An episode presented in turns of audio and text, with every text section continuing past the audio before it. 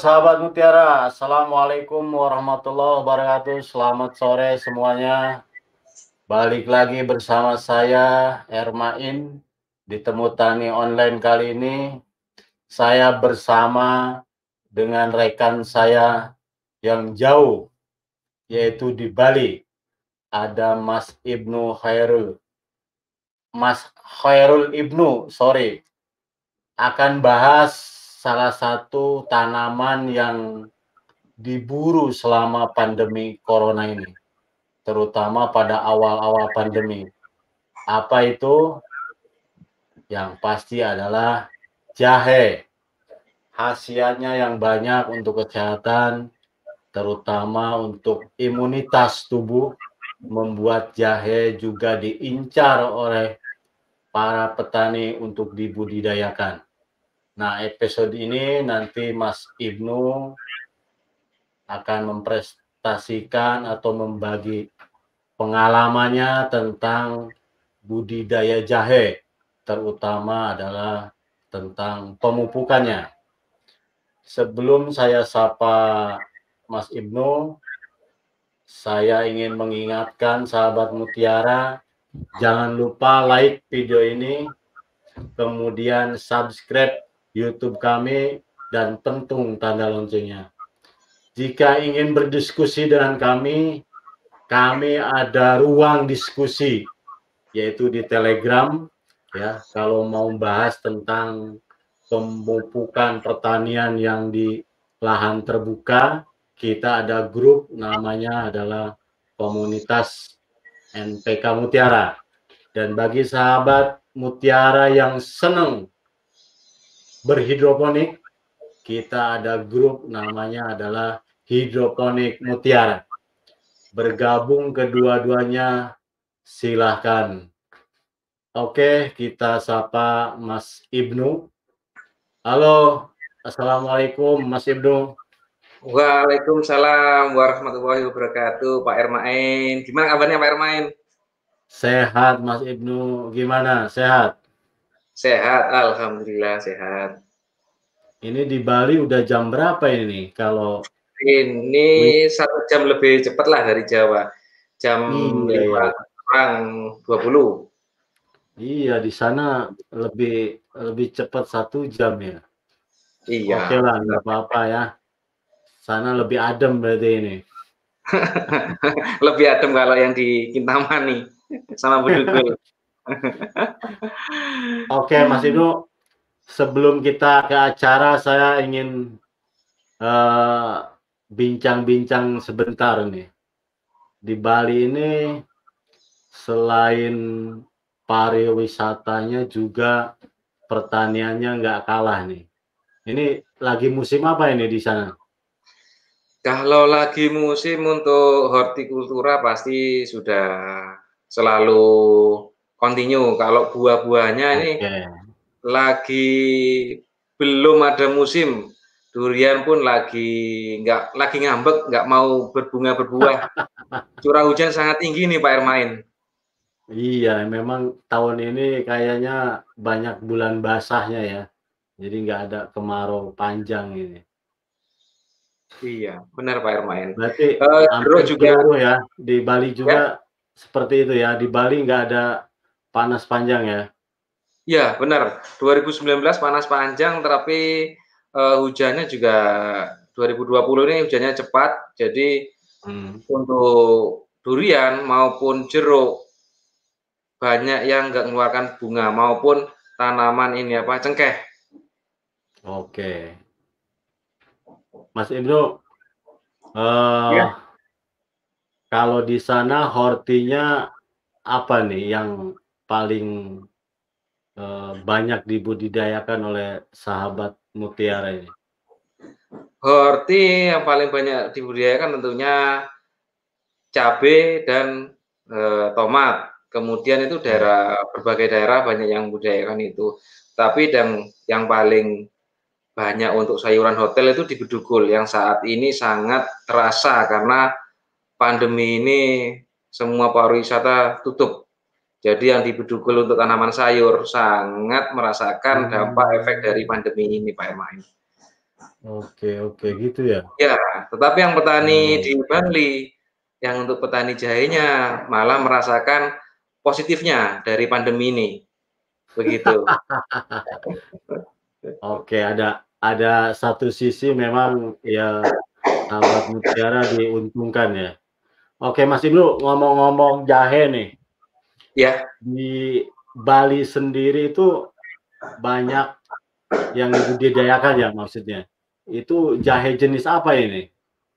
Paling banyak dibudidayakan adalah jahe jahe gajah, jahe putih Jahe besar. ya?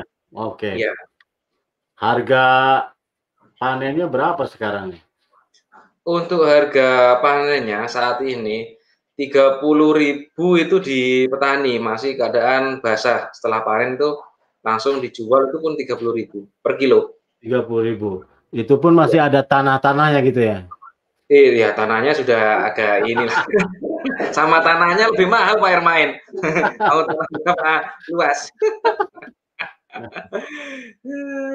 Oke, Mas Ibnu, selain dipakai untuk, eee, campuran bumbu masak ya, ini di eee, jahe ini untuk apa lagi nih Mas Ibnu dikonsumsinya? Jahe kebanyakan untuk hasil olahan olahan, eee, tapi jahe gajah untuk hasil olahan yang di Bali sendiri masih sedikit, yang Hmm. banyak digunakan jahe empritnya. Jahe gajahnya kebanyakan, eee, di pembeli oleh para ini pedagang dikirim ke Jawa untuk masuk pabrik jamu Pak Hermain. Oke, berarti ya untuk industri juga ya? Untuk industri, benar. Oke, Mas Ibnu nanti pada, eee, Temu Tani Online kali ini kita ada 2 sesi ya. Nanti ada materi dari Mas Ibnu, ya kurang lebih 20 sampai 25 menit, dan nanti kita ada jeda sejenak lah untuk ambil nafas ya. Habis itu kita akan menjawab pertanyaan-pertanyaan yang masuk dari sahabat mutiara yang sedang mantengi, yaitu di, eee, Facebook dan YouTube. Nah untuk, eee, selanjutnya silahkan saya serahkan ke Mas Ibnu untuk menyampaikan materinya. Monggo Mas Ibnu. Ya, ini kita sampaikan sedikit berbagi tentang budidaya jahe gajah yang yang dibudidayakan di Bali ya, khususnya di Bangli Kintamani. Oke, kita akan mulai, eee, slide-nya. Nah ini, pandemi corona, budidaya jahe mulai banyak dilirik. Nah ini, yang saya katakan tadi, petani jahe dengan adanya pandemi seperti ini, mendapat berkah karena kebutuhan jahe semakin meningkat. Meskipun jahe itu tidak bisa semata-mata menyembuhkan, eee, corona ya, menangkal virus corona, tetapi paling tidak menjaga imunitas atau, eee, daya tahan tubuh, seperti itu. Slide ini kita akan banyak membahas tentang budidaya jahe gajah yang dilakukan di Kintamani Bangli. Oke, ini sejarah tanaman jahe. Jahe diperkirakan berasal dari India, namun ada pula yang mempercayai jahe itu berasal dari rakyat Tiongkok Selatan, Republik Rakyat Tiongkok Selatan. Nah, tapi itu sudah beratus-ratus tahun yang lalu ya, kita nggak tahu mana yang, eee, asalnya jahe ini. Tetapi kebanyakan yang mempercayai itu jahe itu dari India, dibawa sebagai rempah-rempah perdagangan hingga Asia Tenggara, Tiongkok, Jepang, hingga Timur Tengah. Itu jahe. Kemudian jahe ini banyak banyak jenisnya. Untuk memudahkan, jen jenisnya dibagi menjadi 3. Dari berdasarkan ukuran, bentuk, warna, dan rimpang, itu jadi 3. Pertama, jahe merah, kemudian jahe putih kuning kecil atau disebut di pasaran itu biasanya jahe emprit. Yang ketiga, jahe putih kuning besar. Nah, ini biasanya disebut dengan jahe gajah. Nanti penjelasannya bisa saya lanjutkan di slide berikutnya ya untuk masing-masing jenis jahe itu. Nah ini permintaan jahe sebenarnya dari dulu sangat tinggi, kebutuhannya tinggi, tetapi produksi rendah. Seharusnya dengan kebutuhan tinggi, otomatis harga akan naik dan produksi itu eh, banyak orang nanam tertarik, tetapi produksinya kali ini banyak yang rendah banyak faktornya. Kita akan sebutkan uh, beberapa faktor, empat faktor yang umum uh, mempengaruhi produksi jahe. Pertama, jahe itu produksi ketergantungan pada musim. Jadi gini, kalau tidak seperti hanya halnya lombok, tomat atau timun, itu bisa setiap musim kita tanam. Enggak musim hujan, musim kering, eh, musim kemarau masih bisa tanam tanaman sayuran dan itu eh, kebutuhan airnya bisa dicukupi.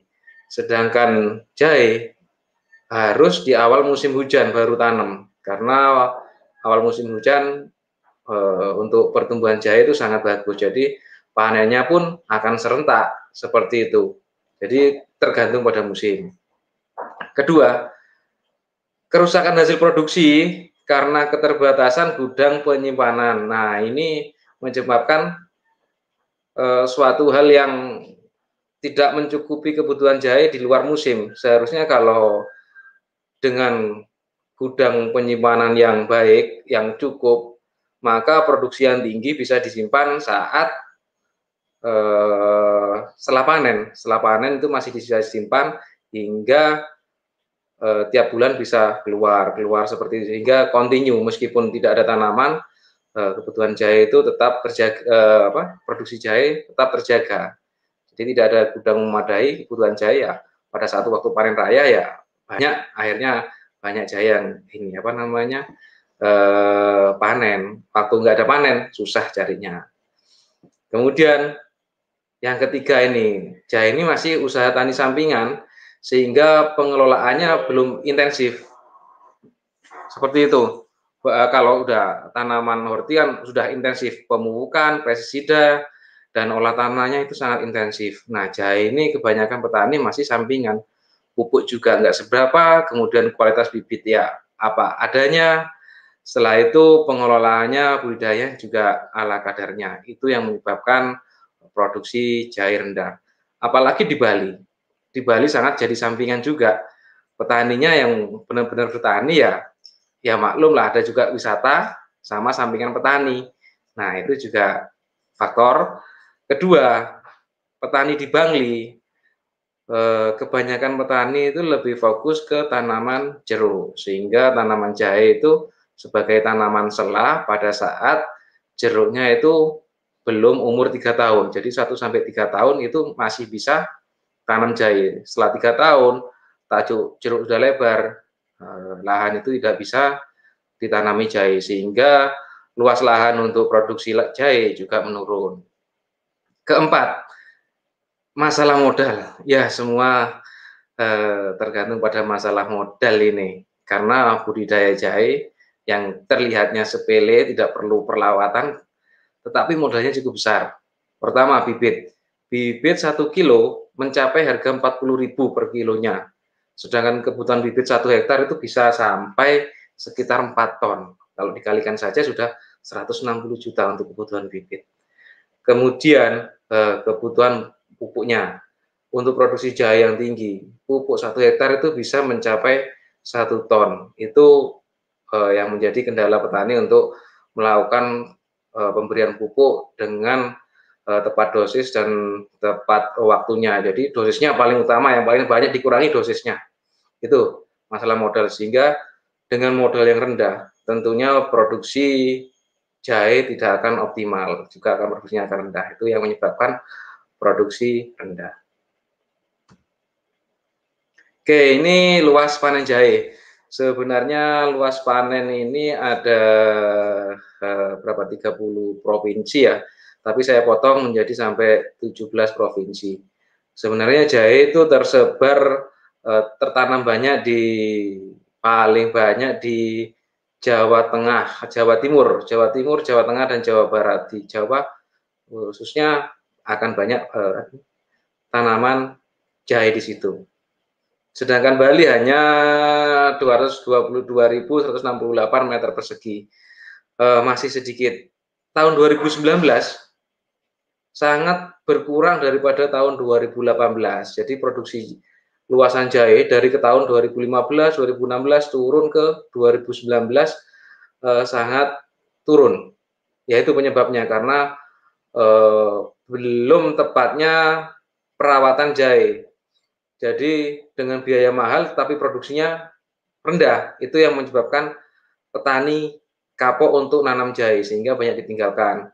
Selain itu eh, kembali ke lahan ke pertanian jeruk tadi. Kenapa takut eh, semakin tahun semakin menurun? Banyak petani yang membiarkan jahe itu setelah tanam di pupuk biasa pemukanya sangat rendah, kemudian menunggu panen itu sangat lama 8 bulan. Kalau pun ditunggu itu istilahnya masih eh, istilahnya masih terlalu lama untuk mendapatkan untungnya segitu karena produksinya rendah karena belum kenal dengan pupuk PT Merauke Jaya. Nah, dengan presentasi ini mudah-mudahan khususnya petani Bali meningkatkan eh, produktivitas lahannya tanaman jahe, meningkatkan produksi jahenya. Mudah-mudahan eh, tanaman jahe di Bali bisa bangkit lagi. Oke, ini lahan jahe di Bali yang sebelah kiri. Nah, sebelah kiri ini tanaman jahenya di sela-sela tanaman jeruk. Jeruk ini sekitar umur 3 tahun. Nah, ini setelah jeruk sudah tinggi, otomatis tidak akan bisa ditanami jahe lagi. Petani fokus di jeruk. Karena jahe terlalu lama juga produktivitas lahan itu eh, sedikit. Jadi tidak untung. Nah, ini yang juga ada jeruknya, masih kecil-kecil umur belum 8 bulan ini jeruknya. Kalau besar pun juga tidak akan ada tanaman jahe lagi di sini. Oke, kita bahas jenis-jenis tanaman jahe. Nih, jahe merah, rimpangnya berwarna merah dan lebih kecil daripada jahe emprit. Jahe merah selalu dipanen setelah tua dan juga memiliki kandungan minyak atsiri yang cukup tinggi sehingga cocok untuk ramuan obat-obatan. Jadi yang jahe merah ini. Dari lihat umbinya kecil-kecil, ini jahe ini produktivitasnya, produksi lahannya juga sangat lebih rendah daripada jahe gajah. Kedua, jahe emprit. Ini jahe emprit yang biasa digunakan para ibu-ibu masak ini. Jahe putih kuning kecil, ruasnya kecil, agak rata sampai agak sedikit mengembung. Jahe ini selalu dipanen setelah berumur tua. Kandungan minyak asirnya lebih besar daripada jahe gajah, sehingga rasanya lebih pedas. Jahe ini cocok untuk ramuan obat-obatan atau untuk diekstrak minyak asirnya. Jadi kedua jahe tadi, jahe merah dan jahe emprit ini harus dipanen di usia yang tua. Kalau di usia muda nggak bisa. Nah, beda halnya dengan uh, jahe gajah. Nah ini, ini jahe gajah. Jahe gajah ini bisa ditanam, e, bisa dipanen saat umur muda. Ini rimpahnya lebih besar, lebih gemuk, ruas rimpahnya lebih mengembung dari kedua varietas lainnya. Jenis jahe ini bisa dipanen saat berumur muda maupun berumur tua. Baik eh, baik sebagai jahe segar maupun jahe olahan. Nah, ini kelebihannya bisa dipanen umur muda. 6 bulan pun sudah bisa panen. Tetapi saat untuk produksi maksimal itu di usia 8 bulan. Begitu. Produksi jahe gajah per hektar lebih tinggi, jauh lebih tinggi dibandingkan produksi klon jahe lainnya. Ini yang membuat menarik sebenarnya untuk tanam jahe gajah.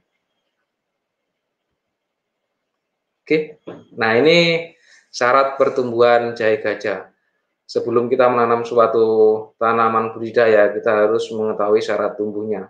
Cocok enggak itu kita tanam di lahan kita? Oke, nah ini tanaman jahe gajah membutuhkan, membutuhkan curah hujan relatif tinggi, antara 2.500 sampai 4.000 mm per tahun, jadi curah hujannya cukup tinggi. Kedua, dilakukan di tempat yang terbuka, yang mendapat sinar matahari sepanjang hari. Jadi kebutuhan sinar matahari harus dari pagi sampai sore, tidak boleh terhalang terhalang oleh e, naungan. Nah, oleh sebab itu, jika ada gajah di bawah tanaman jeruk usia 5 tahun atau 6 tahun, otomatis tidak akan produksi maksimal. Yang ketiga, cocok ditanam pada tanah yang subur, gembur, dan banyak mengandung humus. Keempat, jahe tumbuh baik di daerah tropis, subtropis dengan ketinggian 0 sampai 2000 mdpl. Jadi kelebihan jahe ini ditanam di mana pun, ketinggian mana pun akan berproduksi dengan baik, akan tumbuh dengan baik. Itu kelebihan eh, tanaman jahe. Oke, nah ini kita masuk ke tahapan budidaya jahe. Untuk di Bangli sendiri, jahe ini ditanam di ketinggian 1000, kurang lebih 1000 meter di atas permukaan laut, 1000 mdpl. Nah, ini yang digunakan untuk pupuk dasarnya. Pupuk dasarnya menggunakan SS Amopos 200 kg per hektar dan Mutiara 50 kg per hektar. Kenapa menggunakan SS Amopos? Kandungan SS Amopos ini 20% fosfatnya tinggi. Jadi kandungannya 16% nitrogen, 20% fosfat dan 2 dan 12% sulfur. Cocok untuk pupuk dasar karena pupuk dasar tanaman sangat membutuhkan fosfat untuk pembentukan akar dan pertumbuhan akar. Kemudian ditambahkan NPK Mutiara 50 kg, 16, N-nya 16, P-nya 16, dan kaliumnya 16. Tetap bu dasar kita tambahkan kalium, seperti itu. Nah ini persiapan lahannya.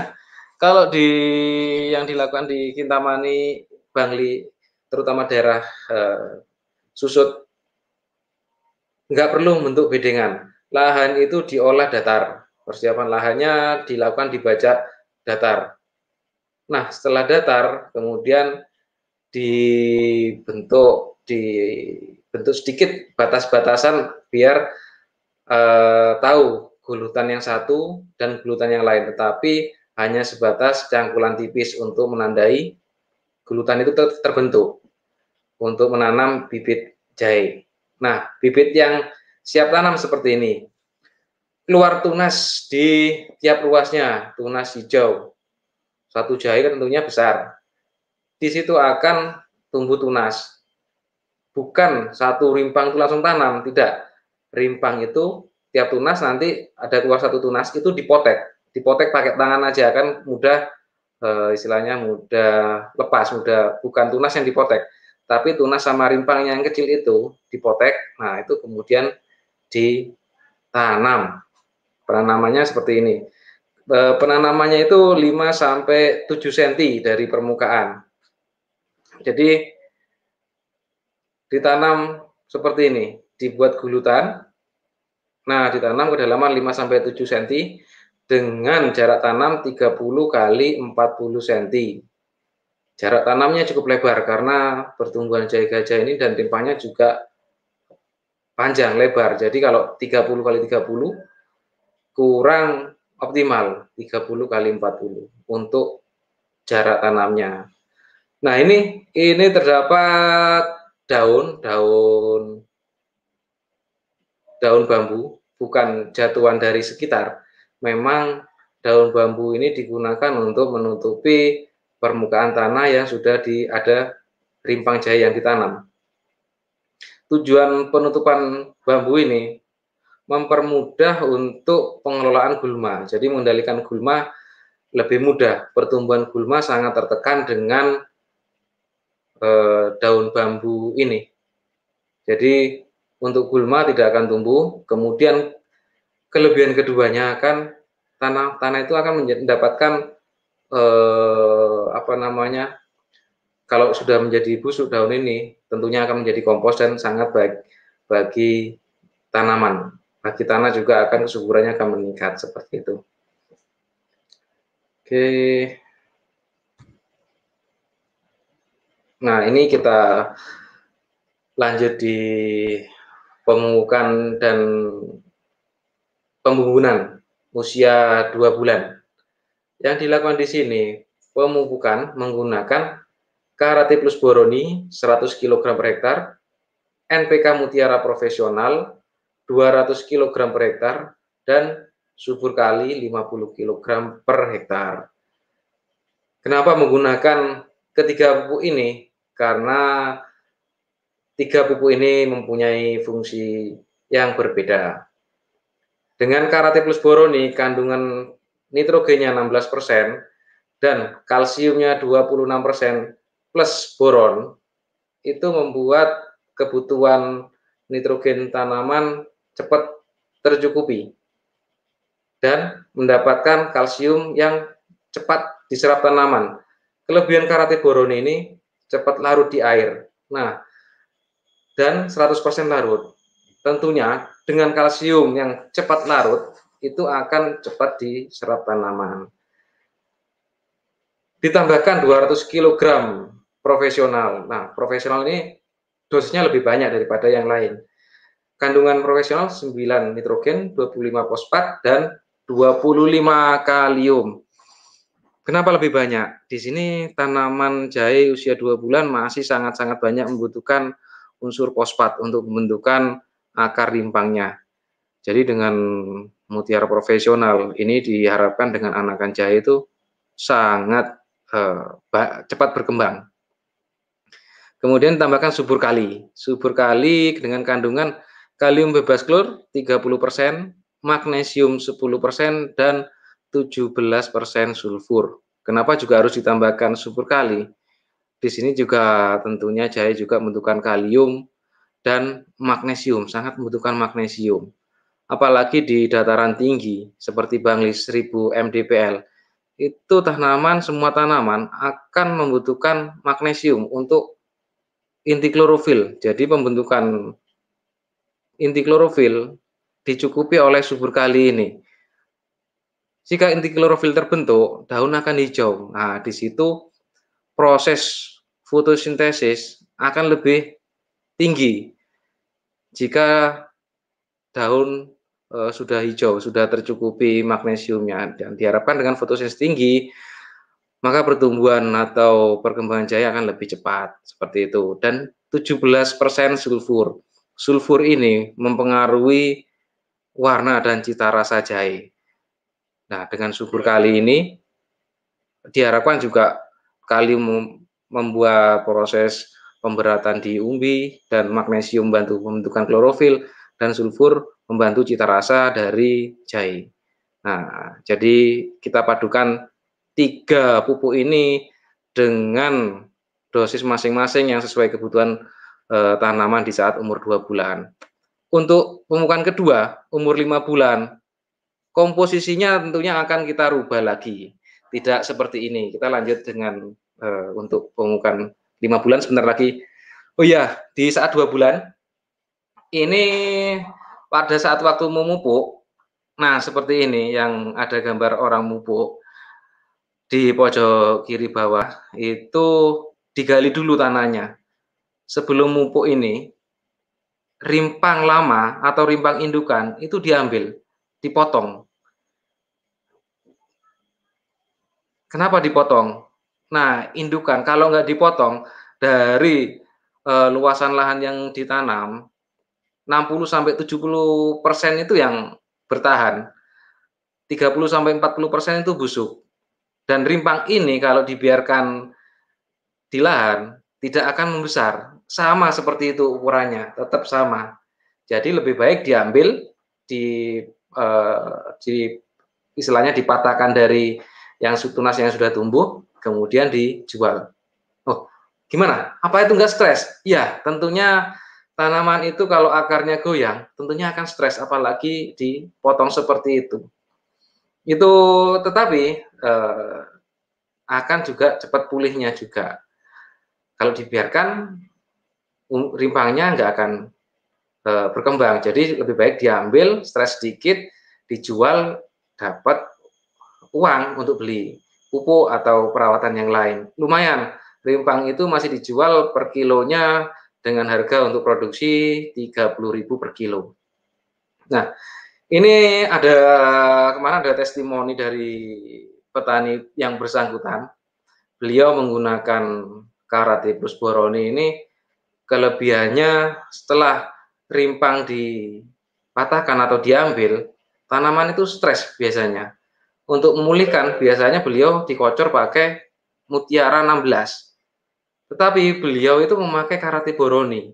Nah, dengan karate boroni itu ternyata dari stres tanaman stres itu lebih cepat pulihnya. Makanya beliau ini apa namanya coba uh, sangat tertarik lagi untuk menggunakan karate boroni. Nah ini dulu beliau masih dikocor, sekarang beliau sudah ditabur cara pemukanya karena dianggap lebih banyak nutrisi yang bisa diberikan dengan ditabur. Nah setelah penaburan dan pengambilan rimpang umur dua bulan baru dilakukan pembunuhan. Ini perlu dilakukan. Jadi tanaman itu sudah e, perlu perlu melakukan pembunuhan. Dengan pembunuhan ini pertumbuhan akar lebih lebih cepat berkembang karena ke atas pun sudah ada tanah tempat berkembang. Jadi dilakukan pembunuhan di saat umur dua bulan. Tanah itu diambil dari samping-sampingnya yang tidak ditanami atau galengan atau jalannya untuk orang. Nah, itu pentingnya jalan atau yang tidak ditanami itu perlu lebar karena tanah harus diambil dari situ. Jadi disarankan lebar antar bedengan itu 70 sampai 80 cm karena untuk menaikkan tanah sebagai e, pembangunan di umur 2 bulan. Nah, ini eh, tanaman jahe usia tiga bulan yang setelah dilakukan pemupukan. Beliau menanam jahe ini berbagai fase, ada yang baru tanam, ada yang bukan baru tanam. Kemarin kita ke sana itu mau tanam, ada yang mau tanam, ada yang umur tiga minggu, ada yang umur empat minggu, ada yang umur dua minggu, eh bukan tiga minggu, empat minggu, dua bulan, dan ini tiga bulan yang tertua. Untuk beliau menanam seperti itu untuk mengat, e, untuk menanggulangi kekurangan produksi. Jadi tiap bulan bisa panen. Itu harapan beliau. Mudah-mudahan bisa dicontoh dengan yang lain ini ya. Jadi kecukupan jahe terpenuhi tiap bulannya. Oke, ini pemukaan terakhir umur 5 bulan atau 150 hari setelah tanam. Kita naikkan dosisnya, karate boroni menjadi 150 kg. Kemudian profesional 100 kg, subur kali 200 kg. Kita naikkan dosisnya semua kecuali profesional kita turunkan. Tapi secara total dosis pemukan lebih tinggi. Tanaman lebih tua otomatis eh, kebutuhan harinya lebih banyak. Di sini kita masukkan 150 gram karate plus boroni. Nah, profesional kita turunkan 100 kg karena fosfat di usia 5 bulan ini tidak perlu begitu banyak. Yang sangat banyak adalah kebutuhan kaliumnya. Kaliumnya tercukupi di subur kali butir. Nah, kalium, magnesium, dan sulfur. Subur kali ini sangat penting untuk eh, kualitas rimpang, kualitas umbi. Kenapa sangat penting? Jadi sulfur untuk rasa, kalium untuk berat berat umbi atau rimpang dan magnesium membantu fotosintesis daun. Nah, untuk ketahanan atau e, daya simpan panen dengan karate plus boroni. Jadi tidak bisa ditinggalkan karate plus boroni ini untuk membuat pasca panen itu lebih bagus pasca panen itu bu, umbi atau rimpangnya itu lebih mengkilat, lebih daya tahan simpan yang lebih lama. Kemudian di usia lima bulan, lakukan pembangunan jika diperlukan pada tanaman yang terlihat rimpangnya. Biasanya petani di sana umur lima bulan hanya dipupuk biasa, kemudian rimpangnya juga tidak terlihat. Tetapi dengan pemupukan paket tadi yang umur pupuk dasar dan eh, umur dua bulan dengan dosis yang tadi, biasanya umur lima bulan tuh malah banyak terlihat limpangnya. dianjurkan lima bulan ini pembangunan lagi. Jadi seperti itu. Oke, ini hasil panen jahe gajah. Ini tidak menggunakan full produk masih. Pupuk dasar masih uh, tidak menggunakan SS Amopos dan uh, Mutiara. Jadi di sini hanya menggunakan umur 2 bulan dan 5 bulan pemupukannya. Karate plus boroni, grower, dan subur kali. Tetapi hasilnya sudah luar biasa. 10 are atau 0,1 hektar kemarin, uh, informasinya dapat hasil 4 ton dari bibit 400 kg. Nah itu 4 ton dengan harga Rp30.000. Kalau intensif, perawatan intensif juga menghasilkan sebenarnya taman jahe ini. Tidak boleh, eh, tidak bisa dikesampingkan seperti itu. Oke, terima kasih sudah mendengarkan dan eh, menyimak presentasi saya eh, jika ada kekurangan atau salah saya, saya mohon maaf. Nah, kita lanjut ke Pak Ermain. Silakan Pak Ermain.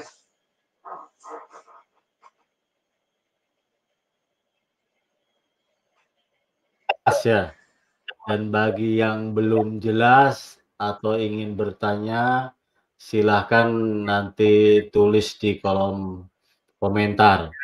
Uh, Mas Ibnu, sebelum kita menjawab pertanyaan-pertanyaan yang masuk dari sahabat Mutiara yang sedang mantengin di Facebook dan YouTube, kita akan rehat sejenak. Monggo.